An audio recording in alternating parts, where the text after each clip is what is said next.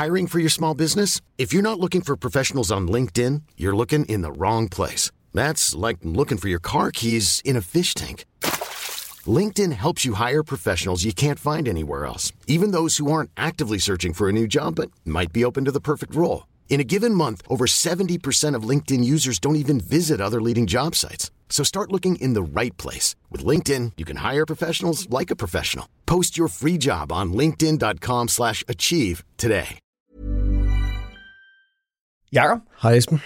tak for i går, hvis man kan sige det sådan. Skal vi virkelig tale om det? Det, det, det, det bliver vi jo nødt. Vi var ikke til stede øh, sammen, sammen øh, på, men vi var det samme sted, nemlig i øh, det sted, der tidligere hed øh, Idrætsparken, Ja. for at se øh, Manchester City øh, møde FCK på, øh, på deres hjemmebane. Må du egentlig godt som die in the wool Brøndby-fan tage plads til sådan en kamp, ja? Ej, jeg kommer faktisk helst ikke derinde. men, øh, men jeg var inviteret, og så lever jeg jo efter Ebbe Skovdals gode gamle regel. Kender Jo. du den? Øh, nej, men jeg kender jo godt huske Ebbe Skovdal. Ja, han Ja. en st- stor, stor legendarisk Brøndby-træner. Han havde den regel, han sagde, at han holder med to hold. ja. Han holder med Brøndby og med dem, der spiller mod FCK. Okay. Øh, var det en god kamp, ja? Jamen, øh, jeg, jeg var godt underholdt, vil jeg sige, og jeg vil sige, altså, jeg synes også, øh, jeg synes også nu, øh, nu skal det heller ikke blive mere, mere, mere fladpandet end højst nødvendigt. Jeg synes også, det var, det var fedt at se, det var fedt at se det show, det var fedt at se, hvad dansk hold kan mod det, der vel er verdens bedste, bedste klubhold. Jeg var, virkelig, jeg, var, jeg var godt underholdt, og det var også lidt skræmmende at se, hvor lidt et dansk hold kan gøre mod verdens bedste klubhold. Ja, måske i, i særlig grad et, et dansk fodboldhold, som ikke har spillet en betydende gældende kamp Også det. i 63 dage. I den mellemliggende periode ja. har Manchester City spillet 10 fodboldkampe, der har haft betydning, øh, altså i ligaen, og øh, vundet dem alle sammen. Ja, ja, og det vi snakkede om lige før vi gik i studiet, det der med, at, at når man ser nogle af de der Manchester City-spillere, Kevin De Bruyne og Phil Foden og øh, Haaland, der, altså, de er jo hver især, vil jeg tro, mere værd end hele den danske Superliga, hvis man solgte spillerne. Ja. Det er jo... Ja, det er helt vildt. Men jeg tænker egentlig lidt over den der med den der spillepause der. At, Mm. altså, det er jo ikke et parlamentarisk politisk spørgsmål, men det er et organisatorisk spørgsmål. Og spørgsmålet er jo, ligesom man kan sige om dansk fodbold. Og er det tjener dansk fodbold at spille sådan. Ja, altså ja. hvis vi har de ambitioner om også at kunne være gældende mm. i internationale turneringer efter nytår, så kan det jo være, at man skal til at opgive det der med, at øh, der næsten er tre måneders spilpause fra Ja, december ja. til marts. Øh, ja. Vejret er jo ikke anderledes her, end det er i Nej. Storbritannien. Nej, det er selvfølgelig rigtigt. Hvad med dig? Øh, Var du, var du underholdt? Øh, ja, øh, jeg var derinde med min søn, øh, som, øh, som har, øh, øh, hvad det hedder, han holder lidt med, eller han holder meget med FCK og, og noget med Manchester City. Okay, ja, han havde en fest. Så, øh, så for ham var det jo, han, han sagde, da vi gik hjem, at øh, det der med, at han så øh, Guardiola, øh, vi er jo, det, det vi mestendels er hjemme hos mig, er jo Barcelona-fans. Mm-hmm. Øh, og det der med at se Guardiola i levende liv, så sagde øh, min søn, øh, han er ikke bare en, der er i FIFA. så det var en virkelighedsoplevelse for ham ja, at se ham okay. stå dernede i sin store sorte frakke og gå Ja, ja, rundt og sådan noget. Det, Ja. ja. det var sådan en, en stor oplevelse for ham. Så ja. vi, havde, vi havde en god oplevelse. Nå, sure. Øhm, jeg, jeg er også sindssygt fascineret af sådan noget fankultur. Altså også fordi, at den sport, jeg selv går op i, nemlig cykelsport, jeg slet ikke har det der. Mm. Øh, fordi det foregår øh, i passage øh, cykelsporten, så er der jo ikke nogen på den måde, og man er mm. måske fan af enkelte rytter, og altid er løbet og, øh, på den måde. Ikke? Det er super fascinerende, synes jeg også, det var at kigge på det, der hedder sektion 12. Ja. Øh, hvordan det foregår, hvordan med rytmerne, og det med at blive en del af mængden, og det er, altså etableringen af det der, synes jeg er sindssygt interessant at, at følge. Det er super interessant. Og så skete der så det uheldige, at, øh, at klubben undervejs i kampen måtte, måtte bede deres fans på sektion 12 om at lade være med at hoppe, for det kan stadion ikke holde til. Er det rigtigt? Det hørte jeg slet ikke. Ja, det stod på, det stod på tavlen. Vi, vi, det, var, det var skrevet med et græn af humor, vil jeg sige. Der stod, kære sektion 12, vi vil så gerne beholde jer, så, så lad være med at hoppe. Uha, det er da ikke særlig betryggende. Ikke? Øh, ja, nå, men øh, Jakob, øh, det betyder jo også, at vi står her i øh, studiet Orle morgen onsdag, Det gør vi. midt i vinterferien, for senere i dag, der drager du på skiferie med din familie. Det er rigtigt. Mm. Og du skal ikke undervise dine egne børn i at stå Ej, det kunne jeg ikke drømme om. Nej, det, øh, det er jo faktisk lidt et hængeparti, ikke fra sidste gang, men fra forrige gang, med, med hvad jeg gjorde der, hvor jeg tog til Isabel. Ja, hvordan gik det? Jamen, det gik helt fantastisk. Nå, fedt. Øh, det blev uden skiskole. Øh, ja. Og jeg fik måske lidt på fornemmelsen, det kan være, du kan forklare. Jeg fik lidt på fornemmelsen, at, øh, at dem, der frarådede at undervise egne børn i ski, er virkelig er fordi, at så kan de ikke selv komme ud og stå på ski. Altså, fordi Nå. de gerne vil prøve, altså, eller ikke prøve, de vil gerne køre nogle fede pister. Det kan man så gøre, mens børnene er i skiskole. Ja, det kan man så gøre, når de er i skiskole. Ja. Ja. Den, den fornemmelse fik jeg, fordi det, det er klart, det gjorde jeg var bare altså, kun på familiebakke Ja, ja. øh, hele vejen øh, øh, igennem. Jeg, havde, jeg skulle ikke realisere mig selv på en, en sort, en Du, sort skulle, du løjpe. skulle også have været i skiskole, jo. Ja, Jamen, det går slet ikke. Øh, hvad det hedder. Øh, det, jeg, har, jeg har rigeligt med udskrifter fra, fra Ja, ja, ja. min skoletid i, Ja, at, godt. at jeg er dårlig til at blive undervist. øh, men hvad det hedder, øh, det gik, øh, det gik super, super fedt. Det er sagt, det var en, det er jo lidt sådan, det er jo lidt en, øh, sådan en teambuilding øvelse for Mm. en familie Mm. øh, at gøre sådan der, øh, og prøve at undgå at havne i den der slags øh, skænderier, som man ellers kun har, når Ja. ja. man øh, sætter glasvæv op sammen eller sådan noget. ja, det er rigtigt. Øhm, så det var en, en helt, øh, helt fantastisk ting. Og det der smil, Jacob, øh, børnene har, når de lige pludselig kan, Det er nemlig fedt. det er sindssygt fedt, synes Ja. ja. jeg. Nå, Det er rigtig godt. Øh, Jacob, øh, weekenden har stået på en, øh, synes jeg, ret hissig, meget øh, følelsesladet debat, i, øh, især øh, på det, man kan kalde politikboblens aula, nemlig det sociale medie, tidligere kendt som Twitter, Mhm. øh, om regeringens nye forslag til organdonationspolitik. Mm. Ja. Og jeg tænkte, at øh, lad os gå det lidt igennem med en loop og se, hvad, er det, der, hvad er det, der egentlig står, og måske prøve at svare på det der spørgsmål, der har cirkuleret lidt, nemlig om Mette Frederiksen vil Ja. eje vores krop. Øhm, ja. Og så er der øh, sket noget, som er klassisk for DK Pol. Øh, ikke at vi har lavet en fejl, i hvert fald ikke nogen, der, der er ikke nogen, der har rettet henvendt om det i den her omgang, og det er godt nok til mig. Men et emne, der engang var en flue på væggen, har vokset sig så stort nu, at det kan blive sit eget, sit eget segment. Nå. Mona Jul er ny gruppeformand hos det konservative Folkeparti. Ja. Øh, hun gav et interview i Altinget, som jeg synes var, var meget øh, markant. Ja, Øh, det var interessant. Ja, og det kan godt være, at man stadig skal, og det synes jeg, man skal tage sin forbehold for, om det sådan bare lige er lagt op til, at hun skal være den næste, den næste formand. Omvendt, så synes jeg, at nogle af de forbehold, jeg havde sidst, øh, falder lidt bort. Det var jo meget markant, fordi hun laver et, mm. synes jeg, sådan et ret hårdt angreb på det, der var velkomststrategien, Søren Papes okay. velkomststrategi til valget. Ja, øh, jamen lad os tale om det. 22. Ja. Men du, her, øh, siden vi var sammen sidst, øh, hvordan var det med dig og det der Super Bowl der? Fik du set det? Jeg fik ikke set det. Ah, okay. Det, øh, jeg, det her gav jeg op på, fordi Ja, ja, okay. så øde- ødelægger man jo øh, man ødelægger hele mandagen. Jamen, det var godt, det lå der i starten af vinterferien jo, så man kunne sove lidt længere. Jeg tog lige og sov en time ekstra, og. Okay. så, så gik det. Men jeg blev op og så det. Du blev op og så det. Ja. Så øh, Kansas City Chiefs. Kansas City Chiefs, som øh, en læser fuldstændig korrekt har påpeget. Jeg har åbenbart stået og kaldt dem Kansas Chiefs. Ja. Og grunden til, at det er vigtigt, at de hedder Kansas City Chiefs, det er jo, at Kansas City faktisk ikke ligger i Kansas, som mange måske tror, den ligger i We're Missouri. not in Kansas anymore. Okay, det, ja. det, det er jo sådan en dobbeltby, øh, der ligger øh, ja. I Missouri og i Kansas, men den del af det, hvor fodboldholdet Ja. øh, herhjemme ligger mm-hmm. altså i Missouri, så det er slet ikke et hold fra Kansas. Nå, okay, ja, okay. Øhm, vigtigt. Kansas City Chiefs, og de vandt jo så øh, Super Bowl. Sikkert, eller var det Ej, det spændende? var, ej det, var, det, det var spændende. Jeg synes, jeg er jo ikke kæmpe, kæmpe stor fodboldfan, men jeg ser det af den grund, at der er momenter af skønhed. Det er en ja. Sport, hvor du venter utrolig lang tid på momenter af skønhed. På nogle, jeg.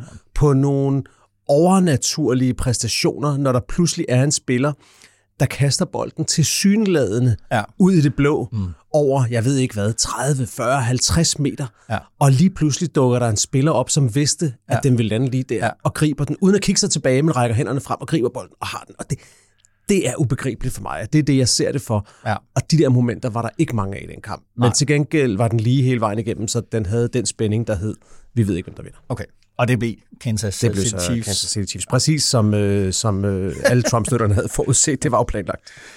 Jakob, Men det fik mig til at ja, tænke, ja, om ja, vi ja. ikke... øh, Det fik mig til at tænke, altså... øh, Jeg lyttede også til et amerikansk podcast der, inden, øh, inden den fodboldkamp, og øh, nogle af dem gik øh, all in på sådan nogle forskellige vedmål om den der kamp. Øh, både hvem der ville vinde, men også, du ved, hvor mange gange kommer ham der til at løbe til højre, og hvor mange øh, Jo, får, jo, han jo, jo. flere, får han flere touchdowns end Taylor Swift fik Grammys og alt sådan noget pjat.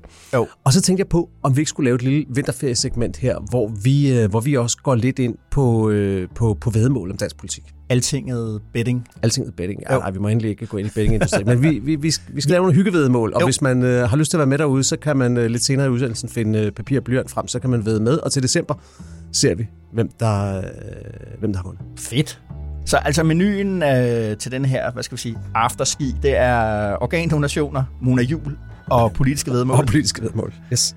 Velkommen til DKP.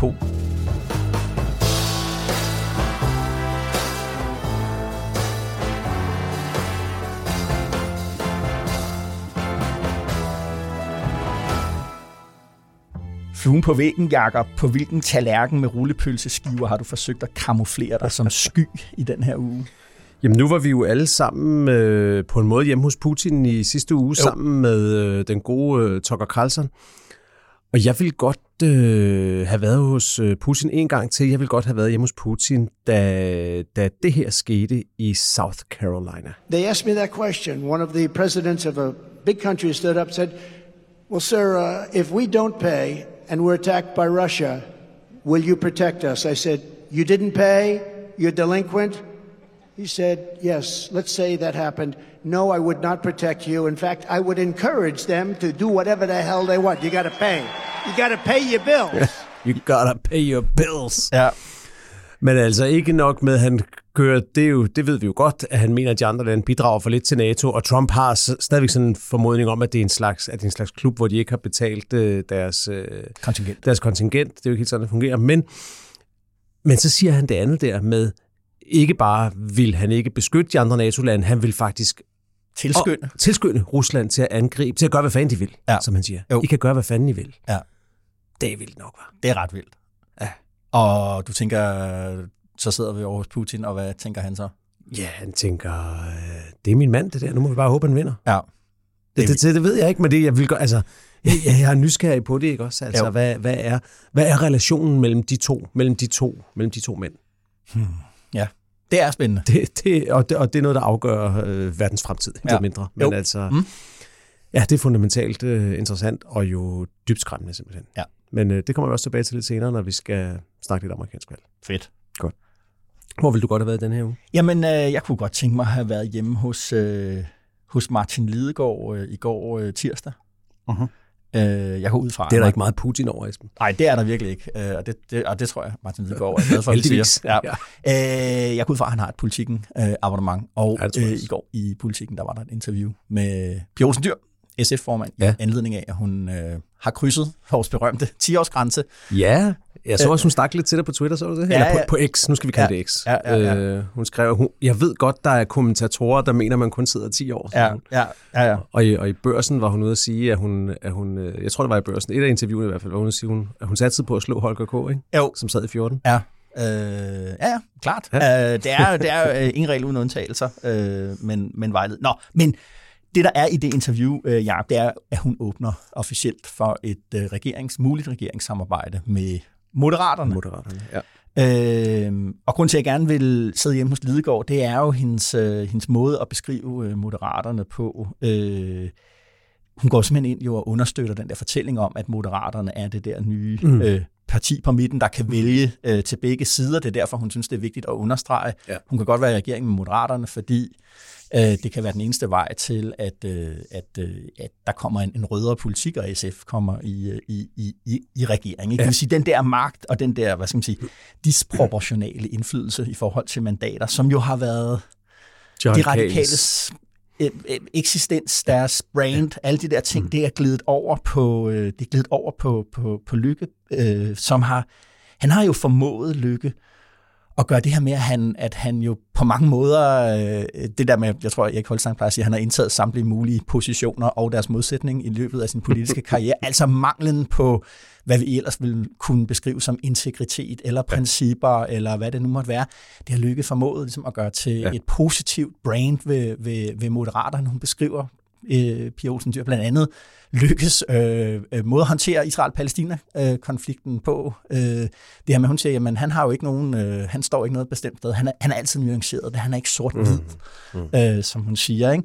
Og der vil jeg godt have set øh, Lidegaards ja. øh, ansigtsudtryk, og måske prøve at læse hans ja. øh, tanker, eller spurgt ham, fordi jeg tænker, at han et eller andet sted henne, så har han måske sendt en ikke så kærlig tanke til Margrethe Vestager, fordi i hvert fald for SF'ernes vedkommende er det meget høj grad hendes kurs fra 11 til, til, til 14, øh, da SF var med i, mm. SRSF-regeringen, øh, øh, som har gjort, at, at, øh, at SF har så dårligt indtryk af, af de radikale stadigvæk. Ja. Det tror jeg, det der, det skal, vi, det skal vi vende tilbage til. Jeg tror også, det her i marts, at SF holder, holder landsmøde, og ja. der tror jeg, at vi skal, vi skal også opgradere denne her til at, til at være en, vi egentlig tager et segment om ja. og, og snakker lidt dybere om. Det er et spændende emne. Mm.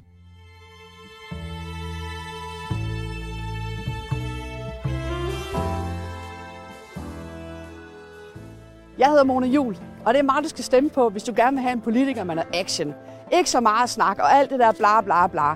Vi skal have brug for politisk handling, og det står jeg for. I 2019, der blev jeg valgt første gang. Jeg forlod mit job, jeg forlod min bestyrelsesposter, fordi jeg tænkte, der var brug for sådan en som mig i dansk politik. Jeg er klar til at bruge al min energi, arbejde solen sort, forhandle i bund. Jakob, øh, her er det de konservatives Mona Jul fra en valgvideo, hun lavede op til valget i 2022. Ikke så meget bla bla bla. Ikke så meget bla bla bla. Hun sætter sig i scene som hende, der ikke er en Christiansborg-boble mm. øh, hende der kommer udefra, og som øh, har erhvervslivet øh, og erhvervslivets interesser tæt inde på, ja. øh, på, på livet. Ja. Vi fik det lige med sidste gang, at hun er ny øh, gruppeformand, og vores øh, gode kollega Malte Brun fik også øh, sidste fredag lavet et, synes jeg, ret godt interview med hende, som i mine øjne i hvert fald understreger, at hun er favorit nu til at overtage efter Søren Pape Poulsen. At hun er hvad, siger du? Er favorit til at overtage. Er favorit, ja. ja, ja, ja, ja. Øh, og det i sig selv jo gør, at hans dage som, som leder for det konservative øh, Folkeparti netop er, netop fordi der nu er en åbenlys aftager, øh, måske er ved at, at mm. nå det der punkt, hvor de, ved ikke om de er talte, men de er måske til at, at tælle. Ikke? Mm-hmm. Lad os lige kigge lidt på Mona Jul først, og så på, på det før omtalte interview. Øh, hun bliver opstillet i 18 i Aarhus Østkredsen, og hun kommer ind i Folketinget i, øh, i 19. Og inden da, der har hun gjort en, en, en lang karriere, især i reklamebranchen, øh, hvilket den der øh, video, vi spillede et klip fra før, måske ikke lige frem, øh, vidner om. Men altså fra 99 til 2018, der er hun direktør og partner og senere bestyrelsesmedlemmer i det Aarhus-baserede reklamefirma Envision, Øh, jeg talte med en kilde fra miljøet, der, der sagde, at hun jo galt i de der 20 år som, som øh, Jyllands ukronede reklamedronning. Nå, okay. ja. Hvad, hvad, hvad kunne hun da? Jamen, øh, altså, øh, Envision laver reklamer for, for Hummel, øh, som sponsorerer øh, fodboldlandshold. Der er mm-hmm. meget sport i den her øh, udsendelse, Jacob. Øh, en masse kampagner for Vejdirektoratet, og så jeg fandt også en, en reklame for slikproducenten Carletti, Øhm, og øh, og det, det, det, det har hun så været, været, været en, en, en del af. Hun er 56 år, og hun tilhører helt klart jo den der erhvervsorienterede del af det konservative ja. Folkeparti. Og hun markerer sig meget på, øh, på klimadagsordenen selv ja. de sidste tre år. Øh, til gengæld så markerer hun sig ikke meget på det, som de konservative øh, slog sig op på under landsrådet øh, sidste år, nemlig øh, familiepolitikken. Mm. Øh, det er jo især øh, Mette Abelgaard, der, der gør det. Men hende og Abelgaard stod sammen om ligesom, at, at sætte gang i det interne arbejde, øh, hvor man kan sige, omkring familiepolitikken, hvor det konservative, ligesom, hvad skal man sige, hvis man så det der landsråd der, der var sådan, det var der, de kom i havn. Mm. Oven på al turbulensen og det dårlige valgresultat mm. og alt sådan noget. Så nu har vi ligesom en, en treenighed i det, i, i det konservative folkeparti. Ja. Du har uh, Mette Abelgaard på familiepolitikken, du har uh, Mona Jul på erhverv og klima, og så Søren Pape, som jo før 22-valget jo især stod for uh, sådan noget lov- og ordenpolitik ja. og ældre. Ja. Øhm, det man kan lægge mærke til, det er jo, at den mulige aspirant til at også at være gruppeformand, nemlig Rasmus Jarlov, og det han står for, det er på den ene side en masse på den økonomiske politik, og på den anden side jo sådan ret hård på udlændingepolitikken. Øh, det er ikke ligesom en del af den der forreste front af, af, mm. af partiet nu. Nej, men det har Søren Pape jo i høj grad været, synes jeg. Han har jo stået for den der national konservative øh, fløj repræsenteret den. Ikke? Det var ham, øh, selvom det var, hvis det var Carter, der havde fundet på det, det var Søren Pape, der gik til valg på det der stop nazi-islam og hvad det ellers var. Ikke? Ja. Også, altså, han, har, han har kørt den helt ud til kanten, synes jeg. Ja. Så, så ja, det er interessant det der med, at det, ser ud til at være en ny, en ny fløj i partiet, der nu, øh, der nu begynder at fylde lidt mere igen, og som måske har fyldt lovligt lidt i partiet i, øh, i nogle år nu. Præcis, og det, det, det kom, kan vi jo komme ind på der med interviewet. Jeg synes også, det er interessant at bemærke om, om, øh, om Mona Jul, at hun øh, på en vis måde en slags mønsterbryder. Hendes, øh, hendes mor er førtidspensionist. Hun okay. vokser op som, med, med en mor, der er førtidspensionist. Hendes far er lastbilchauffør, og der har Mona Jul altså foretaget en, en social øh, opstigning, mm-hmm. øh, hvis man kan kalde det det øh, øh, succesfuld erhvervskarriere. Hun er jo en af de få, det må man også konstatere, en af, altså en af de få meget succesfulde erhvervsfolk, der faktisk har formået at transitere ind i politik, mm. uden, at, uden at, at gå øh, uden at ryge ud igen meget hurtigt. Tommy Ahlers modellen, hvis man kan kalde det det, ikke? den har hun undgået. Ja, præcis. Og virker som om, at hun, øh, at hun også har både smag for det og lyst til det, og den nødvendige begejstring, der skal til for, at det kan, at det kan lykkes. Så lad os se på, på, på, på interviewet. Øh, hun bliver spurgt, øh, Mona Jul, hvad bliver din vigtigste opgave som gruppeformand? Og så siger hun, det bliver at finde ud af, hvordan vi prioriterer vores ressourcer i forhold til den fremdrift, vi alle ønsker. Hvor skal vi lægge tryk på politikken, og hvor skal vi øh, prioritere? Mm. Øh, det lyder jo sådan meget øh, alment og generelt, men, men bagefter så, øh, så siger hun jo, at øh, under valget i 22, så var det, og jeg citerer, et kæmpe problem, at det kun var vores skatteudspil, der fik al opmærksomheden. Og så fik vi ikke sagt det tydeligt nok, at vi, at vi kun ville afskaffe topskatten over mange år i mm. morgen. Det var jo den øh, platform, som, øh, som Søren Pape i, i, i god råd og vejledning med Søren Vandsø, partiets partisekretær, generalsekretær, mm. men som også er chef for den organisation, altså for eksempel for presse- og politikafdelingen mm. over på Christiansborg, der havde, der havde udviklet den. Den undsigelse der, øh, der ligger i det, synes jeg er, er meget interessant. Når man taler med kilder i partiet, så er det jo noget af det, de allermest frustrerede over, det var, at de konservative slog sig op på stålblå økonom, borgerlig økonomisk politik ind i et, øh, ind i et valg. Ikke? Jo. Jo, jo, og slet ikke var forberedt på det modtryk, der ville komme. Altså, man kan huske første, den første tv-debat, hvor, øh, hvor Søren Pape lægger det frem, og Mette Frederiksen så, må man sige, ret forudsigeligt siger, nå, der vil I fyre, hvad er det, 40 eller 80.000 offentlige ansatte, ja. og, og Søren Pape virker helt uforberedt på, på angrebet og beder om dokumentation for det og sådan noget. Det er ligesom om, øh, ja, det var ikke, øh, det var ikke så godt. Det var nemlig, øh, det var, det var det ikke. Og jeg synes, det, det, det jeg næsten synes var det mest markante i, øh, i, i, i det her interview, hun, det er, at hun så åbenlyst ligesom går ud og saver den der platform over, som Pape jo stod på og prøvede at gøre sig til statsminister på. Og grunden til det bemærkelsesværdigt, det er jo, at selvom at Søren Pape har rejst rundt til alle de konservative vælgeforeninger og, og, taget, og taget imod kritik for den valgkamp, og selvom han har siddet i et famøst tv-interview med Kåre Kvist og pisket sig selv, ja så er det ligesom om, at de ikke rigtig har fået sagt højt, hvad det egentlig var, der gik galt. Nej, og det, altså det, det var jo... Altså jeg kan godt forstå lidt logikken i, hvad de tænkte, for de tænkte ligesom, jamen det der ligesom er fællesnævneren på alle de forskellige mm, øh, måder, man kan være borgerlig på, øh, fra nye borgerlige, der så ikke findes mere, men, men øh, nye borgerlige, LA, Venstre, Konservativ mm. selv, det var jo det her med den økonomiske politik. Så det var jo et forsøg på for, for, for Pape at suge den, for alle lejre. Ja, ja præcis. Ja. Øh, men han turde jo heller ikke selv stå, stå fast på det den der gang. Det gik jo meget kort tid efter, han havde lanceret det til, at han jo, øh, altså Inger Støjberg, hun sagde, at det bliver uden mig, og så foldede han så at sige det telt øh, sammen igen. Og det, det lige der, der tænker jeg ligesom, jamen han kunne jo sådan set godt have holdt fast, øh, hvis det konservative folkeparti havde haft en strategi om at sige, jamen, vi, vi er egentlig lidt det er underordnet for os, når der kommer en borgerlig regering. Det vi gerne vil have, det er, at der er en masse, der stemmer på vores parti øh, og på vores formand, og tænker ind i deres hoveder, mens de sætter krydset, at, at de gerne vil have, at Søren Pape Poulsen er, er, mm. bliver statsminister. Så vil du have transformeret partiet, men det har han ikke kunne holde stand. Og jeg tænker simpelthen, det var fordi, at han jo mente, at han gerne ville være statsminister. Ja, han så en reel ja. chance for det, og derfor følte han ligesom, at han skulle forhandle for, for åben, øh, åben skærm. Men det er i hvert fald markeret nu, synes jeg, med det her interview, at det, øh, og det, som jeg forstod, har forstået det på kilder, ligesom også, er til stor tilfredshed for baglandet, mm. at man Men er ser du, så, det. ser du så Mona Jules øh, dels, øh, hvad skal man sige, nye job som gruppeformand, og det interview, hun giver til Altinget, ser du det så som en begyndende rivalisering mellem hende og Pape, eller mere, at hun begynder at øh, ligesom gøre papirerne klar til den dag, det måtte ske? Ja, det sidste. Øh, jeg tror ikke, der, der bliver ikke, der er ikke, jeg synes ikke, der er stemning af, at han ligesom mm. skal afsættes. Øh, Øh, jeg synes, der er en stemning af, ligesom, at nu er der en, en, en, en anden politisk platform, som partiet har fået, har fået vedtaget. Nu er der, nu er der også en, en, en i ledelsen, som ligesom har det som, som, sin, som sit budskab, som sin platform, øh, og, og at der, det vil sige, nu er der nogen, der kan bære det der projekt videre. Det har, altså Pape har jo grundlæggende set været øh, forsvundet fra dansk politik siden ja. 22-valget. Ja. Øh, og, og nu er der så ligesom nogle andre ansigter på en anden måde at være øh, konservativ øh, på, og det i sig selv altså er ligesom, okay, øh, jeg talte med en, som ligesom sagde, jamen, jamen Pape nu er formand for partiet i 2026, hvor alle regner med, at, at det næste folketingsvalg øh, kommer, eller ej, det, det er underordnet. Nu er der et nyt indhold, der er en ny, mm. øh, ny platform.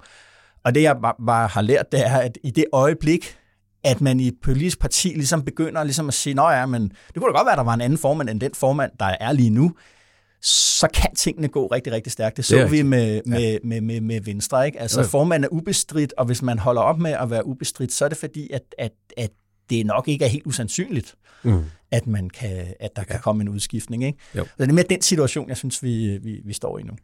Og på den måde, på den måde bliver det konservative et af de mest interessante partier at følge i, øh, i den Europaparlamentsvalgkamp, vi skal have senere i år, fordi kan de holde det mandat eller ej? De stiller en relativt ukendt øh, kandidat op, øh, ja. og, øh, og hvis ikke, hvis ikke det lykkes at holde mandatet ja. i, i Europaparlamentet, så kan det blive udløseren, der gør, at de siger, nu må der ske noget nyt her. Helt klart.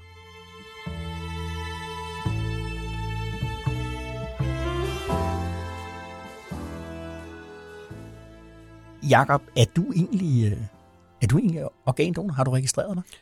Ja, det er jeg jo så snart, kan jeg forstå på regeringen. men nej, jeg har ikke været inde og, og registrere mig, men øh, vi har da haft snakken derhjemme, og jeg kan forstå, at min, øh, min kone har faktisk. Så, okay. øh, så det er i familien, men jeg har ikke, jeg har ikke gjort det endnu. Og jeg tror, som de, som de fleste danskere, at det egentlig ikke udtryk for et helt aktivt valg, måske mere, at det er noget, jeg øh, ikke lige har sat mig ned og taget rigtig stilling til. Ja, hvad med dig? Jamen, øh, det samme. Øh, og grunden til, at, altså, grunden til, at jeg ikke har taget rigtig stilling, det altså, jeg synes, det er en ubehagelig beslutning. Jamen, det er det.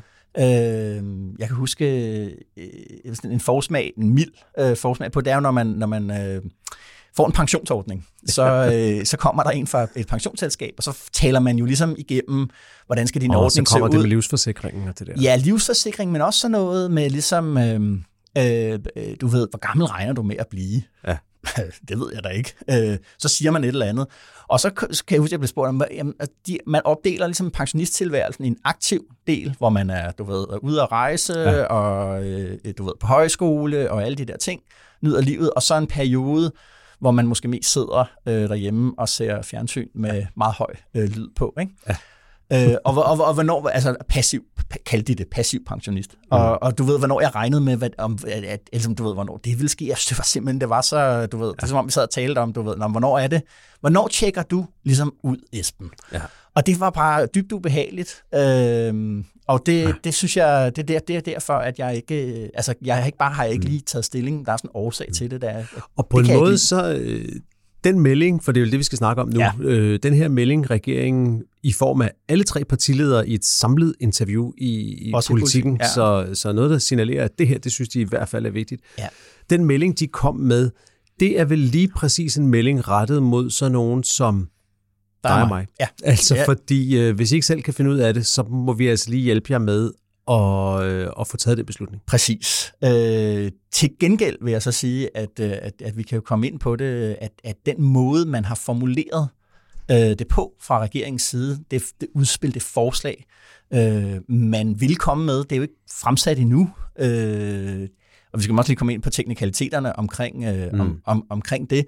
Men, men det er jo i form af en pressemeddelelse, øh, man indtil videre øh, har givet. Og den er, den er meget, vi kan tage den her, den er svær at læse. Det har jo betydet, at der er meget forskellige gengivelser i, øh, i pressen af, hvad, der egentlig, hvad det egentlig er, forslaget mm. øh, øh, handler om. Altså er det her noget med, at vi alle sammen er registreret øh, i udgangspunktet og skal ind og melde os fra? Eller er vi alle sammen registreret i udgangspunktet og skal ind og bekræfte, at mm. øh, vi gerne vil være øh, organdonorer? Øh, eller, eller hvad? Ikke? Jeg kan lige, vi kan lige tage, øh, Jacob, øh, hvad der er, der står i pressemeddelelsen. Mm. Ja, lad os det. Der står, citat, Regeringen foreslår, at den nuværende model for samtykke til organdonation vendes om, så udgangspunktet er, at alle borgere over 18 år potentielt kan blive organdonor, medmindre de selv fravælger det. Det lyder som den hårde, det der bliver kaldt den hårde model. Men man fortsætter her, øh, og jeg citerer igen. Det vil altså fortsat være muligt for den enkelte at vælge organdonation fra eller tilkendegive, at beslutningen skal overlades til de pårørende. Derfor øh, ligger det også i den nye model, at man som borger aktivt skal bekræfte, at man vil være organdonor, og pårørende vil altid blive spurgt, hvis den afdøde ikke har taget stilling til eller bekræftet sit øh, valg i organdonorregistret. Citat slut. Mm. Hvad er det egentlig, man forestår? Ja, altså på en måde kan man jo udlægge det som om alt er som før, fordi hvis man gør som du og jeg gør, ja. og ikke har været inde og trykke ja eller nej ja. som organdonor, så vil det stadigvæk være noget, hvor man kommer hen og spørger de pårørende, ja. hvad siger I så? Ja. Og det kan man selvfølgelig sige, hvad er det så egentlig, der er nyt? Mm-hmm. Men der er vel trods alt det nye i det, at udgangspunktet for den snak er, at man faktisk er organdonor, og at de pårørende derfor aktivt skal sige, det vil vi helst ikke have, ja. i stedet for det modsatte. Mm-hmm. Og den psykologiske, den forskel kan jo godt have en stor psykologisk effekt, tænker jeg. Ja. Og så tænker jeg det andet, det synes jeg også fremgår klart, når man læser det interview i politikken, det andet ved det, det er, at med denne her manøvre virker det som om, at regeringen i hvert fald vil forsøge at for det første starte en debat, og for det andet lidt presse danskerne til så at foretage det valg. Ja, men omvendt synes jeg, at, at øh, fordi altså, man kan ligesom dele lidt op. Politikens gengivelse i interviewet af det her forslag, det er, at du også skal ind og melde dig til. I, altså, du er tilmeldt, men du skal ind og bekræfte, ja, jeg er tilmeldt, mm. og jeg mener det. Øh, men, men mens at man for eksempel i Tiden har udlagt det som den hårde model, nemlig at du er tilmeldt og skal ind og fjerne din, øh, din tilmelding. Mm. Øh, og jeg synes ikke, at i den måde, som pressemeddelelsen er formuleret på, at det står helt solklart, hvilken Nej. en af de to det egentlig Nej. er. Og nu kan man jo sige, at lovforslaget er jo heller ikke skrevet endnu, fordi det er jo en anden, en anden altså, detalje ved det her, som kan være vigtig nok. Det er, at, at det de tre partiledere siger i interviewet, det er, ja. at nu vil de fremsætte et beslutningsforslag. Ja. Og det er jo ret usædvanligt, at regeringer fremsætter beslutningsforslag. For det, det meste så fremsætter regeringer lovforslag. Ja. Beslutningsforslag er jo nogen, hvor Folketinget ligesom pålægger regeringen Præcis. at gøre noget senere. Ja, lave en lov. Ja, lave en lov for eksempel, ja. og det kunne de jo så bare gøre. Ja. Men der vælger de altså bevidst her at sige, at vi fremsætter et beslutningsforslag ja. om, at vi i næste folketingssamling så skal lave lovforslaget. Ja. Og det er jo også en måde at få debatten i gang på, og det er vel det, der har formålet. Det er at sige, nu, nu tager vi noget tid til debatten, sådan så vi ikke bare trumler det her igennem. Ja, og, øh, og, og det, at, altså i mine øjne, det, at man formulerer sig så relativt uklart, Altså det burde jo være til at pinde ud øh, meget håndfast, hvad det er, det egentlig er, man foreslår. For der er, sådan, der er jo en, en, en ret stor forskel, der er en stor mm. forskel på, om du skal ind og bekræfte noget, eller du skal ind og fravælge noget, afkræfte, afkræfte noget, og hvad der sker i de to øh, forskellige øh, scenarier. Ikke? Det her med, at man formulerer sig så uklart, det fungerer jo ligesom sådan en, øh, det man i psykologien kalder en Rorschach-test, altså de der blikklatter der. Det gør, at alle ligesom kan læse deres egen ja, ja, øh, position i den her debat, og det er jo det, der har gjort, at man har fået den her meget hissige debat, hvor hvor blandt andet øh, Berlingske Tidens chefredaktør Tom Jensen, som du ved, skrev på, på Twitter, Mette Frederiksen vil eje din krop, fordi ja Øh, Søren Pind har haft lidt den samme øh, udlægning af det. Altså det her med, at lige pludselig så er vores øh, organer statens ejendom, med mindre at vi, øh, at vi, trækker, at vi trækker os ud af det. Det, det, der er jo ikke, altså man kan sagtens læse det, på en, det her forslag på en anden måde, men det er mm. ikke, det, altså, og det har jeg gået og tænkt over, hvorfor, hvorfor, kan, hvorfor har regeringen ikke sørget for, at i hvert fald undgå den der, øh, den der ene lejr, der ligesom siger, okay, nu har, nu har du nærmest fået eksproprieret dine organer. Ja. Øhm, Mm, svaret, der, jeg kan se to svar øh, på det. En er, vi vil have debatten. Så det der med at formulere sig lidt uklart, det får ligesom alle lukket mm. frem på, øh, mm. på, øh, på banen. Måske lidt belært af den måde ældrereformen ikke blev en debat på, og selvom regeringen synes, vi talte om det i, i meget høj grad, men det var jo ikke, der kom ikke sådan en stor hissig debat, for ikke forskellige positioner i den. Alle var sådan ja, det lyder fint. Øh, og for det andet, så er det selvfølgelig for at passe lidt på Venstre, som, øh, som har det svært i sådan nogle, øh, i sådan nogle øh, spørgsmål. Ja. Jamen helt klart. Og må ikke også det ender med, når det her lovforslag kommer, at, øh, at der bliver en eller anden form for, for fritstilling, eller at nogen kommer til at stemme forskelligt også inden for partierne, fordi vi er nede og røre ved nogle af de der dybe ting, hvor der er en tradition for, ja. at folketingspartier ikke altid øh, går fuldstændig, øh, marcherer fuldstændig i takt. det, det, der, det, der jo også er interessant her, synes jeg, det er jo, at det er anden gang i, øh, i denne her regeringsperiode, at, øh, at Mette Frederiksen og hendes regering ja. øh, går imod det, som etisk råd egentlig anbefaler, og som jo egentlig er sat i verden til lige præcis at rådgive regeringen om spørgsmål ja. som det her. De gjorde ja. det i spørgsmål om aktiv dødshjælp, og nu gør de det igen her, fordi etisk råd mener man faktisk, at, øh, at det her kan være en, en forkert måde at, at lokke danskerne til at tage stilling, øh, så at sige. Ja. Øhm, så, så, så det er anden gang, de, de går imod der, og det er selvfølgelig også med til, tror jeg, at afføde noget af den der lidt hissige debat, du taler om, mm-hmm. det der med, hvad er det egentlig, hvor, hvorfor er det egentlig, de vil gå så meget videre? Men man får jo heller ikke, altså det tænker jeg, at det, det kan være, at jeg tager fejl her, men det, ved at gøre e- etisk råd til sådan et, et overorgan, man altid føjer, mm. øh, så, lukker, altså, så lukker udtalelser fra etisk råd jo som debatterne ned. Det er jo først, når der opstår en uenighed, øh, hvad kan man sige, ja. mellem, øh, mellem øh, dele af, af, af staten, hvis man kan kalde det på den måde, mm.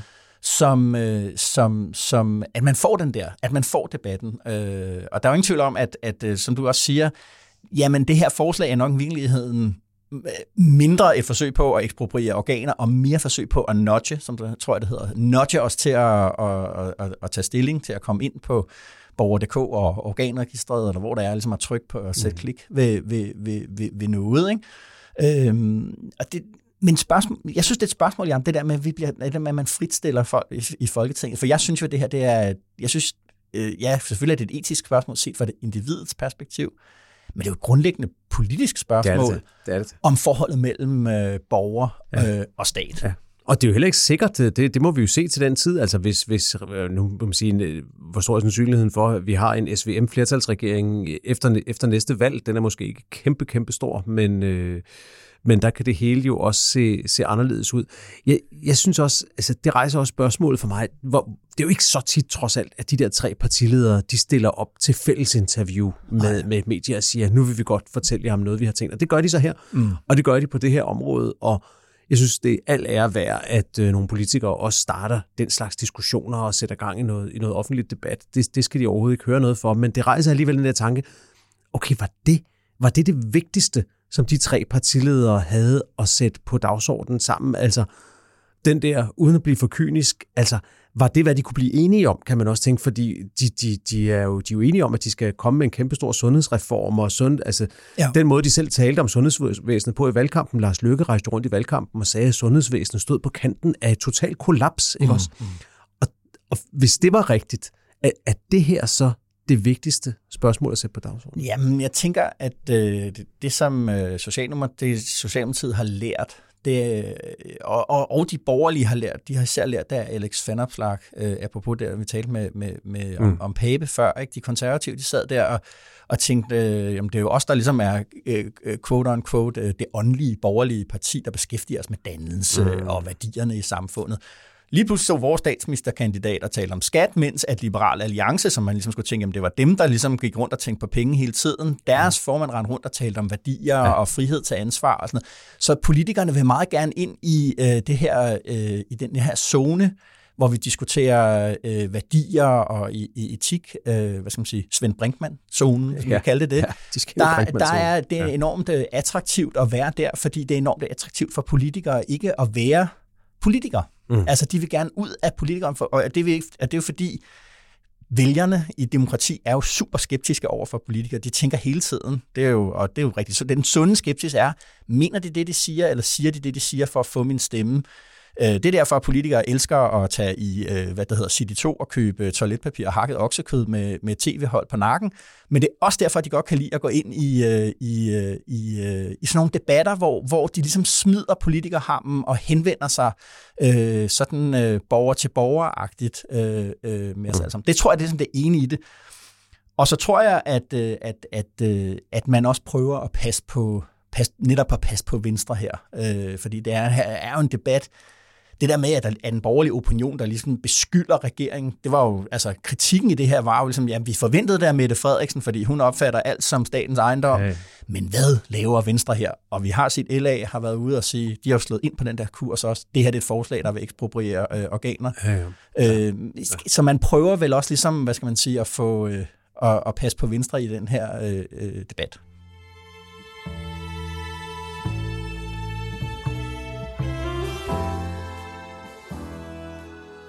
Esben, er du sådan en type, der, øh, der, der spiller hasardspil? Altså på sådan nogle af de der online-tjenester? Aldrig. Aldrig Aldrig. Øh, det, og, det er fordi, jeg er bange for, at du ved, jeg ikke kan styre det. Ja, okay. Så, så det, jeg har bare lavet en hård regel om, at... Øh, det at gør jeg, du ikke. Nej, det gør jeg ikke. Nej, det gør jeg heller ikke. Øhm, men øh, hvad hedder det?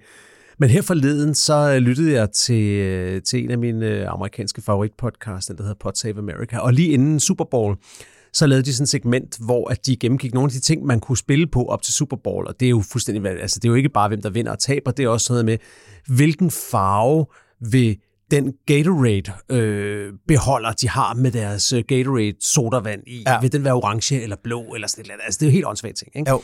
Og det snakkede jeg lidt om, og det fik mig til at tænke på, hvor, hvor meget kan man egentlig vide om politik her i Danmark? Og så var jeg rundt og kigge på de forskellige, på de største øh, udbydere der. Jo. Og, øh, og det var lidt skuffende, vil jeg sige. Man, man kan virkelig spille på nogle skøre ting. Man kan for eksempel spille på gælisk fodbold, som jeg ikke ved, om du, om du følger tæt. Det kan man, øh, der kan man spille på alle de aktuelle kampe. Men jeg har fuldt gælisk fodbold, der er både i det er meget fascinerende det sport. er, det Men, er, øh, og det er der sikkert også mange, der følger. Det er også vildt. Man kan spille på, hvem der vinder det estiske Melodi Grand Prix og forskellige andre ting. Men okay. når vi kommer over i politik, så er det lidt tyndt. Men altså, Okay. en af de ting, man kunne spille på, det var Storbritannien.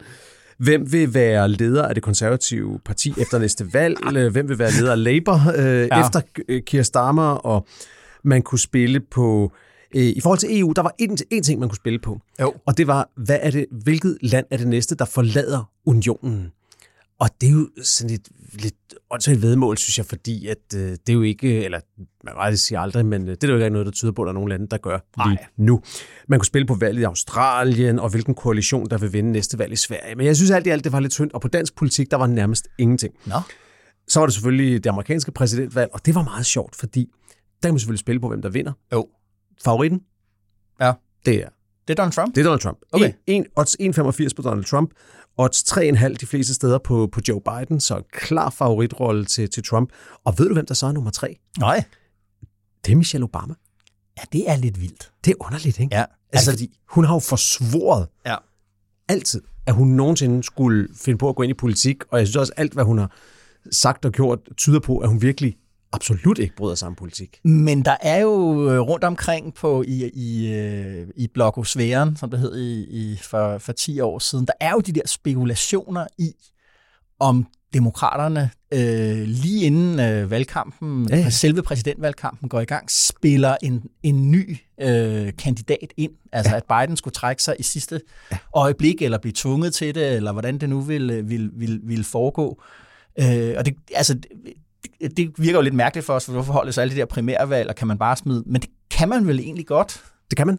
Øhm, og der er, der er fortilfælde, da, da Lyndon B. Johnson øh, var ved at være færdig med sin præsidentperiode der i 68, mm-hmm. havde han faktisk været igennem de første primærvalg. Han havde vundet i New Hampshire, men vundet snært. Jo. Og øh, frygtede nok, at han, øh, at han ville ende med at tabe det, og så trak han sig simpelthen. Ja. Og øh, alle troede så, at øh, Robert Kennedy skulle være demokraternes præsidentkandidat, ja. men, øh, men han blev skudt, Ja. inden det kom så vidt. Mm-hmm. Og så endte det med, at øh, Lyndon B. Johnsons vicepræsident stillede op, men han tabte til, til, til Nixon. Mm-hmm. Men de kan gøre, hvad de vil, og, og der er det interessante ved det i forhold til det her amerikanske valg, vi går ind i, at det bliver jo afgjort på partiernes konventer, mm-hmm. hvem der bliver deres kandidater. Ja. Når, når, når konventet er overstået, så er det besluttet, hvem der er kandidaten. Og, og, øh, og demokraternes konvent ligger efter republikanernes. Mm-hmm. Og det vil sige, at vi kan have en situation, hvor republikanerne har låst sig fast på Trump, Ja. og hvor demokraterne så, altså hvor Joe Biden øh, pludselig øh, Finder en undskyldning for at finder en trække sig. undskyldning for at trække sig og gøre sig selv til kongemager, i stedet for at blive øh, præsidentkandidat. Mm-hmm. Øh, eller, og, og så, altså, Gud forbyde det, så kan der jo også ske det, at, han, øh, at Ja. han, der sker en ulykke, eller han dør, eller et eller andet. Ja. Øhm, og i så fald, så er alting åbent. Så vil, så vil alle de der øh, øh, delegerede komme ind til konventet fra alle de forskellige amerikanske stater, mm-hmm. og de vil sådan set kunne stemme, som de vil. Der er ikke noget egentlig, der binder dem. Det kan være, at deres bagland har sagt til dem, vi synes, du skal stemme på den og den, mm-hmm. men dybest set vil det være lidt ligesom folketingsmedlemmer, at de skal stemme ud fra deres overbevisning, og Ja. derfor vil, vil alt kunne ske. Mm-hmm. Så det tegner sådan en ret Det ville jo være den vildeste, hvad hedder det, oktober surprise. Det må man sige. øh, man hvis, sige. hvis man øh, finder en anden. Men, men, men okay, altså kunne man forestille, du siger, den der Michelle Obama-ting, den er... Ja, det tror jeg altså ikke. Det er Men det er, hende, der, det er hende, som øh, bettingselskaberne øh, sætter som nummer tre, sammen med, sammen med Kaliforniens guvernør øh, Gavin Newsom, som, øh, som måske er den, de fleste regner med. Han har jo i hvert fald gjort sig klar på den måde. Han har rejst rundt og holdt møder med udenlandske statsledere og sådan noget, og uh-huh. ligesom prøvet at stille sig frem som uh-huh. en, der er præsident værdig. Og så er der selvfølgelig øh, vicepræsidentkandidat Kamala Harris, men hun, hun oddser ret meget lavere. Hende er der ikke mange, der, der tror på. Nej, øh, helt sikkert. Okay. Så, nå, men alt det fik mig til at tænke, nu skal vi også lige øh, her, når det nu er vinterferie, Ja. øh, nu skal vi også øh, vide lidt. Jo. Og derfor har jeg opfundet et spil, vi, øh, vi, vi spiller ikke med rigtige penge, det er bare for sjov. Men vi har 100 kroner hver mm-hmm. på fire vedmål. Mm-hmm. Vi kan Jeg har satse. 100 kroner i alt. Du har 400 kroner. Du har okay. okay. 4 gange 4 gange 100 kroner. Okay. Og for hvert vedmål har jeg lavet nogle odds, der hedder, at du kan vælge noget, der giver halvanden gang igen, mm-hmm. noget, der giver to gange igen, og noget, der giver fem gange igen. Okay. Og så øh, væder vi begge to, mm. og så ser vi, når vi når til december, så er de alle sammen afgjort formentlig, og okay. Så ser vi, hvem der har samlet flest penge sammen. Og hvis man har lyst derude, kan man jo skrive sine, sine bets ned og se, om man kan, om man kan slå, slå værterne. Det er der nok stor sandsynlighed for. Jo, det tror jeg. Og det første, vi skal vide om, det er simpelthen USA's præsidentvalg, ja. helt enkelt. Og de tre, du kan vælge imellem her, Ja. Det er Donald Trump, han giver dine penge halvanden gang igen. Mm-hmm. Joe Biden giver dine penge to gange igen. Mm. Og en tredje kandidat giver dine penge fem gange igen. Så øh, hvem, øh, hvem satser du på Ja, som men- men, amerikansk præsident? Men, men en af grundene til, at jeg ikke spiller, det er, at jeg, altså, at jeg, jeg, jeg, jeg, har en, jeg er enormt tiltrukket altid at tage de største risici Ja, okay. øh, i sig selv, på en eller anden måde. Øh, Men det kan jo også være en winning strategy, Ja, det man kan sige. være en, en, en ja. Nu fik vi lige talt den der tredje mulighed op. Det ville jo være enormt fascinerende. Ja. Øh, Jeg, jeg, jeg er realist her, og så sætter jeg øh, mine 100 kroner på, øh, på Joe Biden. Du sætter dem på Joe Biden? Ja. Okay. Hvad med dig? Uh, jamen altså, øh, jeg har jo faktisk lovet, at jeg aldrig vil spå om, hvem der vinder et amerikansk valg, efter at det gik galt i 16, da jeg ikke troede på, på Donald Trump. Men, øh, men jeg tror, øh, jeg tror også, jeg går med Biden, og det gør jeg ud fra det der, jeg tror også, vi har talt om det før, det der med, at ja, Trump kan mobilisere en masse, men han mobiliserer også en masse Biden-vælgere, som går ud og siger, at det vil vi alligevel ikke have. Så jeg, jeg tror, det ender med Og- fire år mere med ham. Men Og altså, politics er stadig politics. Ja. Altså, jeg, jeg, jeg køber ja. ikke den der med, at populismen har, har, har vendt alting om. Uh, inflationen er knækket, arbejdsløsheden er, er ja. stort set uh, væk, lønningerne, lønningerne stiger. At the end of the day, så, så bør det altså stadig være sådan, at uh, det betyder, at der er en Okay, demokratisk vi går begge to med, med Ja. ja. Biden, men, men hvis man sidder derude, så er der jo allerede øh, mulighed for at spænde fra os her ved at tage øh, en tredje kandidat, Ja. ja. som giver fem gange igen. Ja, Ja, okay. okay. Det var det ingen af os, der gjorde. Nu skal vi til Danmark. Fedt. Hvem er statsminister i Danmark 1. december? Og øh, når, nu kan man sige, der har jo sandsynligvis ikke været valg inden 1. december, Nej. men der ligger jo de her Ja. ja. muligheder for udenlandske poster, og det ene og det andet, så der kan ske forskellige ting. Ja. Og det, der giver lavest odds 1,5, det er, at Mette Frederiksen stadigvæk er statsminister. Ja. Så kan du få dine penge to gange igen, hvis du øh, tror på Nikolaj Vammen som statsminister. Og så kan du altså få fem gange igen, hvis du siger, at det er en helt tredje, der er statsminister 1. december. Så øh, Wow, den er svær. hvad siger du på den? Ja. Øh, hmm. Ej, jeg kører med Mette Frederiksen. Hey, altså. Ja. Jeg synes, du sagde, du var en gambler. Det er Ja, ikke meget, man, øh, man ser til det her. Nej, jeg prøver at styre Nå, men øh, okay, hvad... Øh, ej, vi skal jo heller ikke... Altså, der skal også være lidt forskel. Øh, Jeg tror, øh, jeg tror, jeg laver et lille sats på varmen her. Okay, jeg, jeg okay. laver et lille sats på varmen. Fedt, fedt, fedt, fedt, fedt. Okay. Ja. Hvad hedder det? Det tredje, der skal, vi, øh, der skal vi spille om, hvem der bliver dansk EU-kommissær. Det skal jo afgøres her i løbet af sommeren. Margrethe Vestager, tror jeg, hun er ikke på min liste. Hun, ja, hun- hun får nok ikke en periode mere. Men vi skal have en eller anden EU-kommissær. Ja. Og øh, den laveste, du kan få, det er Dan Jørgensen. Ja. Den giver pengene halvanden gang igen. Mhm. Så kan du sige, en anden kandidat, den giver pengene to gange igen. Ja. Og så kan du sige, Lars Løkke Rasmussen, den giver fem gange igen. Det er nogle gode vedmål. Ja, ja, ja. De er ikke, de er ikke, de er ikke nemme. Jeg kører på anden kandidat end uh, Dan Jørgensen. Du kører på en anden? Ja. Okay. Øhm, jamen, så spiller jeg defensivt offensivt her ved at tage Dan Jørgensen, og øh, så lavere odds, men jeg tror, jeg, øh, jeg løber lidt fra dig der. Er den, der vinder, den, der har flest penge, eller den, der har fået mest ret? Ej, det er den, der har flest penge. Okay, fedt. Er Fedt, fedt, fedt. Ja, Ja, okay. Ej, lige meget, hvor mange gange man rammer rigtigt. Man skal bare have nogle penge. Så, øh, så der, og, og der er mulighed for virkelig at, øh, at score pengene her i det sidste vedmål, for det er det sværeste. Okay. Det sidste, vi skal snakke om, det er, hvem der kommer i Europaparlamentet. Wow. Og Europaparlamentsvalget, det er jo sådan skruet sammen, at vi har haft en måling her i Altinget, der viste, at stort set alle opstillede partier ville komme ind, bortset fra Alternativet, mm. med De fleste af dem bare med ét mandat. Så nu har jeg lavet den, øh, den grundregel for det her vedmål, der hedder, at vi tror på, at Socialdemokratiet og Venstre og SF, de skal nok blive repræsenteret med et antal mandater. Mm-hmm. Det tager vi for givet. Okay. Når vi så fjerner de tre partier, SV og SF, så er der syv partier tilbage. Mm-hmm. Der er konservative, radikale, Danmarksdemokraterne, Moderaterne, LA, Enhedslisten og Alternativet. Ja. Syv partier. Ja. Du skal nu gætte, hvor mange af de partier bliver repræsenteret i parlamentet. Mm-hmm. Hvor mange af de syv partier kommer ind. Mm-hmm. Og det du kan vælge, det er seks partier, mm. så får du halvanden gang pengene igen. Det Ja. var det, vores meningsmåling sådan Ja, set ja, viste. Den ja. viste, at øh, seks af de her partier vil komme ind, alle sammen med et mandat, og Alternativet vil ikke komme ind. Mhm. Så kan du sige fem partier, mm-hmm. så får du pengene to gange igen. Ja. Og så kan du sige færre partier end fem, så får du pengene fem gange igen. Og hvis, øh, hvis de så alle syv kommer ind, så brænder det her vedmål helt sammen. Ja, ja, okay, så falder det bort. Så falder det bort. Ja, ja, ja. Jamen, jeg, så, så, jeg, jeg, jeg, jeg øh, du ved, livrem og seler, jeg tager øh, øh, selerne af, og så siger jeg, så siger jeg øh, fem. Du siger fem? Ja. Okay. Så du siger, at øh, udover Alternativet, som vi, som vi tænker nok ikke kommer ind, så er der et af de her andre seks partier, ja. som ikke bliver repræsenteret. Det kan ja. så være radikale, eller konservative, eller et af de andre. Ja. Okay. Præcis. Hvad siger du der? Ja, men jeg går, øh, jeg går fuld, jeg går fuld monty på denne her, Fedt. og siger færre end fem, og Færre satser på det store vedmål. Ja, ja, ja. Og øh, det, der taler imod mit bet her, det er jo, at øh, alle de her partier har lavet, har Valgforbund. lavet valgforbund på kryds og på tværs, og det ja. betyder, at det bliver øh, nemmere for nogle af de lidt mindre partier faktisk at få et mandat. Men, øh, Og at der er det der ekstra mandat. Der er også et ekstra mandat, I ja. diskursen betyder det, at alle føler sig øh, relativt sikre på altså, at komme ind. Ja. Fordi der er, øh, simpelthen, nu skal man have færre øh, hvad det hedder, stemmer for at krydse, krydse klart. grænsen. Men det, det gælder jo ikke, øh, jeg kan man sige, det gælder jo ikke, ikke, det er jo ikke alle, der kan få det ekstra mandat, der er kommet til. Nej, det er det, og, og altså, man kan også sige, altså, den donske metode, det er jo fascinerende at sidde og kigge på de der, fordi hvis to partier er i valgforbund, og det ene parti er mere end dobbelt så stort som det andet, så kan det jo også ende med Ja. at bruge det lille parti stemmer til lige at nappe et mandat mere selv, uden at det mindre parti får et. Ja, så ja, ja, der er mange ja. ting, der kan ske.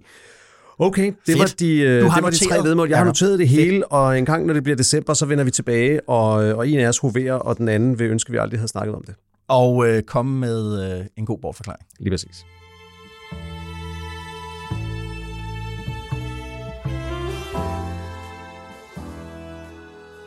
Jakob, det var det. Resten af vinterferien øh, venter. Hvor skal I egentlig hen på skiferie? Jamen, vi hopper i et øh, tog i eftermiddag op til, øh, op til Sverige, op til, til Åre i Sverige, hvor jeg aldrig har været før. Åre, hvor ligger det henne? Øh, Det ligger altså lige så langt væk som Stockholm, bare nordpå, ikke? Wow. Så det er jo absurd langt væk, og Ja. så er man stadigvæk kun halvvejs op i Sverige. Det er Ja. jo et gigantisk land. Ja.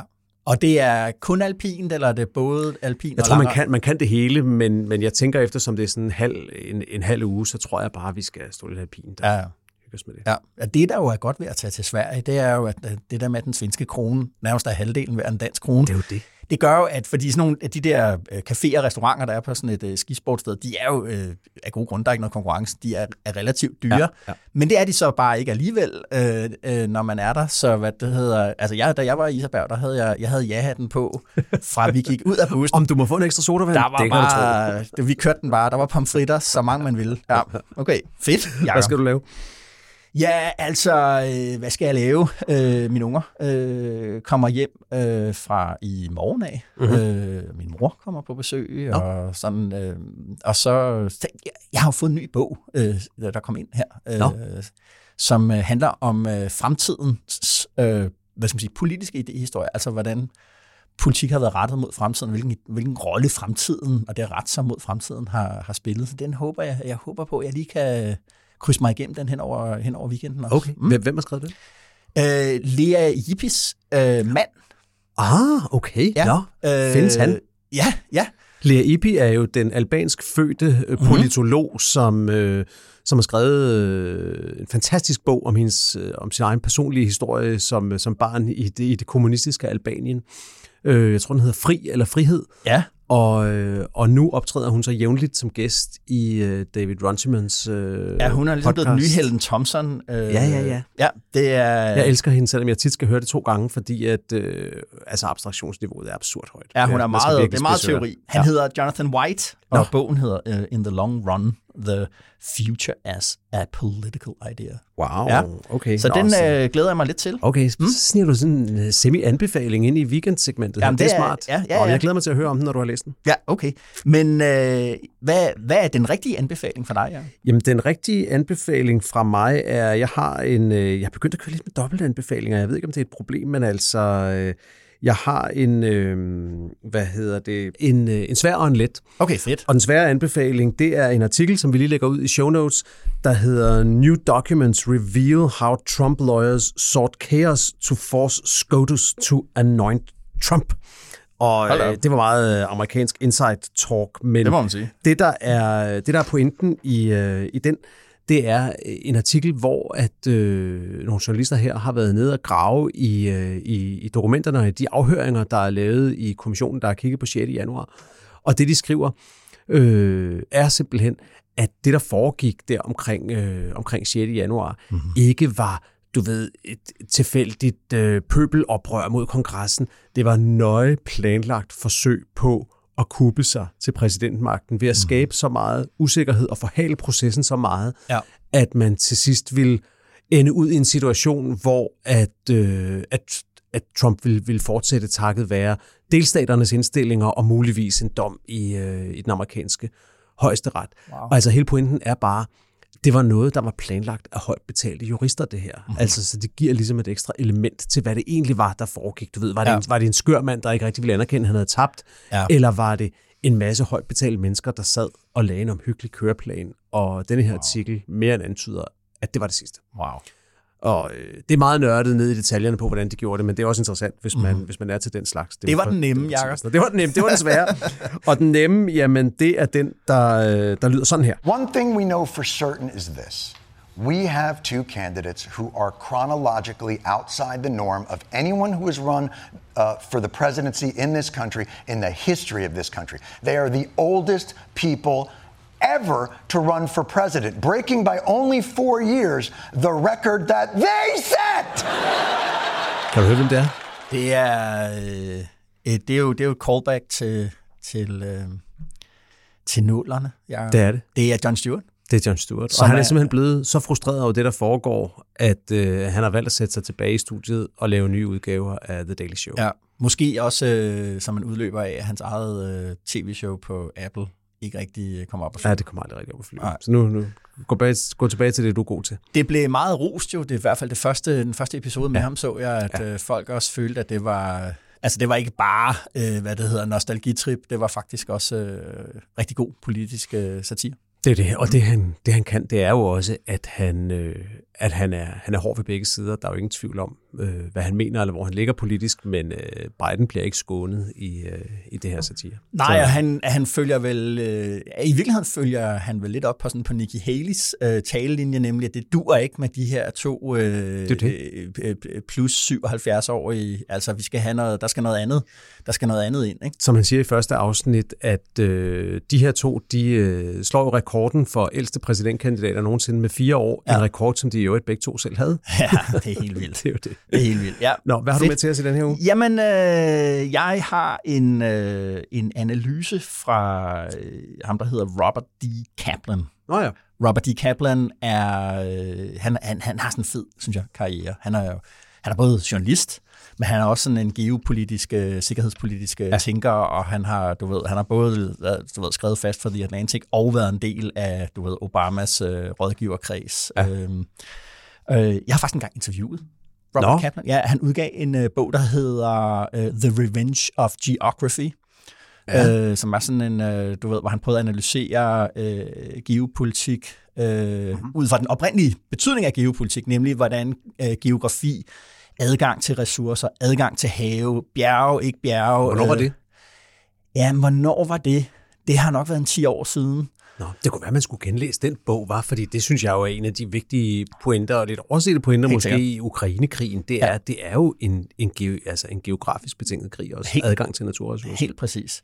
Og øh, du ved, der, han har udgivet den der bog, og så kan man være heldig at få de der interviews med sådan mm. nogle, fordi du ved, så holder de sådan en uge, hvor de basically sætter mm. sig ind, til, ind i en eller anden boks og bliver interviewet ja, ja. i 25 minutter ja. af du ved, altså der siger de bare ja, ja. til hvem som helst. Så hvis man rammer det der vindue der, så kan man komme igennem, ellers så er yes. det, du ved, øh, stort set umuligt at få fat ja. i, i sådan nogle typer der.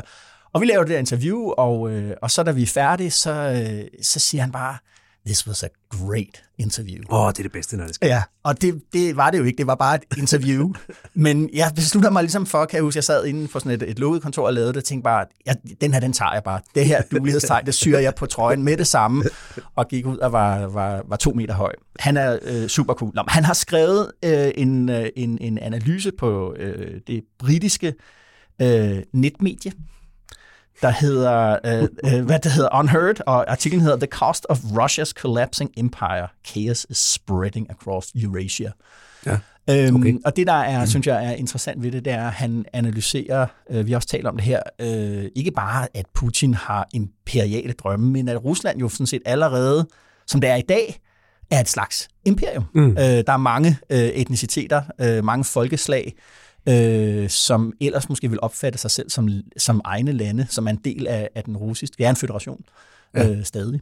Og det han siger, det er, at, at øh, Rusland er inde i sådan en proces af, af det her imperium smuldrer, samtidig med, at man forsøger at holde fast i det, altså med Ukrainekrigen, og at det, og at det, det, det dræner ligesom Rusland for mm. dets imperiale kraft, at man har den her krig, og derfor forudser han ligesom at, at alle mulige øh, hvad det hedder, øh, folkeslag vil, vil forsøge at, mm. at, at, at, at løsrive sig. Omvendt også, at Rusland helt aktivt ligesom går ind og forsøger andre steder, der før var en del af imperiet, og, og, øh, og, og, og så splid, ja, Serbien. Øh, jo, i, de, i denne her uge har de udstedt uh, arrestordre på Estlands uh, premierminister Kaja Kallas. Så noget der, ikke? Og, øh, og det, jeg synes, der er, er interessant, øh, ud over selve øh, analysen, øh, det er, at, at, øh, at, at Kaplan og den øh, tradition, han ligesom tilhører af folk, der tænker geopolitisk, de har en anden analyse af, hvad der er, der sker efter den kolde krig, hvor mm. den der Fukuyama-analysen, altså at det liberale demokrati havde vundet, mm. og at nu ville alle over tid føje sig ind øh, i... Stræbe i, efter at blive sådan. Ja. Stræbe efter at blive sådan, at vi ville få en, en orden. Øh, så, så var der nogen, der, der ligesom så, så det her netop som, som øh, at, at, et, et, at det var en orden, der brød sammen, og når ordenen bryder sammen, så bliver der frigivet øh, mm. politiske kræfter, øh, der ultimativt kan, kan føre til krig og, og, og konflikt, og at den situation, vi stod i efter murens fald, ikke var, at liberalt demokrati havde vundet, og vi var på vej ind den der hegemoni af, af at, at, mm-hmm. at alle, ville, alle ville dele de samme værdier, men at, at nu var det tid til at passe på, fordi at når, når, når et imperium falder, eller er en proces af, af at, at blive nedslidt og gå i stykker, jamen så er, er konsekvensen øh, aller øh, øh, oftest øh, krig og øh, hvad det hedder, konflikt. Og det betyder også lidt noget, hvor, hvordan vi tænker Ukrainekrigen, fordi jeg tror, mange af os ligesom tænker sådan, jamen det er krigen. Så hvis den, når den bliver afgjort, så vender vi tilbage mm. til en fredelig mm. orden, hvor øh, det måske i langt højere grad er et, øh, er et vindue ind til at se, hvad der kommer efter det. Ja, men det vilde er jo, synes jeg, men det, jeg vil glæde mig til at læse den artikel, den vil jeg tage med i nattoget op mod Sverige, men jeg synes jo, det vilde er, at det er to imperier, der står på randen af sammenbrud nu, for det er jo ikke kun det russiske imperium, det er jo også det amerikanske. Og det er han også øh, inde på, øh, Kaplan. Øh, og, ja. og er det nogensinde sket før, at på den måde, at to imperier bryder sammen simultant potentielt? Ja, og det han siger, Kaplan, der, det er, at, at øh, måske er, at, at imperiet nok det bedste begreb, man bruger om amerikansk øh, magt i verden, øh, men at, at øh, det stadigvæk måske ikke er, det er ikke helt et imperium Nej, på samme det måde, det, det er rigtigt. fordi at USA øh, øh, på en vis måde er en ø, øh, ligger uberørt langt væk fra, eller så det amerikansk magt er jo i meget høj grad øh, bundet op på dets afskrækkelsesmagt militært, og så selvfølgelig på, øh, på det, at dollaren er øh, valutaernes valuta stadig. Men det er jo det, der mm. måske øh, også er ved mm. at, at, at, at, at ændre sig. Super interessant øh, Nå, artikel af Robert D. Kaplan. Tak, tak for det. Mm. Jakob, god tur. Tak skal du have. Pas på korsbåndene. Det vil jeg prøve. Og som altid, tak til dig derude med DK i ørerne. Husk at anbefale DK til dem i din omgangskreds, der er en eller anden uforklarlig grund stadig ikke hører DK Vi vil nemlig gerne være mange flere i DK fællesskabet end vi allerede er. Emma Klitnes producerede denne episode af DK Pol, sikkert og elegant, og vi spillede klip fra det konservativs Folkepartis Facebook-side. Og Jakob, hvor kom dine, dine klip fra? Så spillede vi klip fra X. Sådan. Mit navn er Esben Schøring, og jeg er politisk redaktør her på Altinget. Og jeg ønsker dig og dine en god weekend og god vind.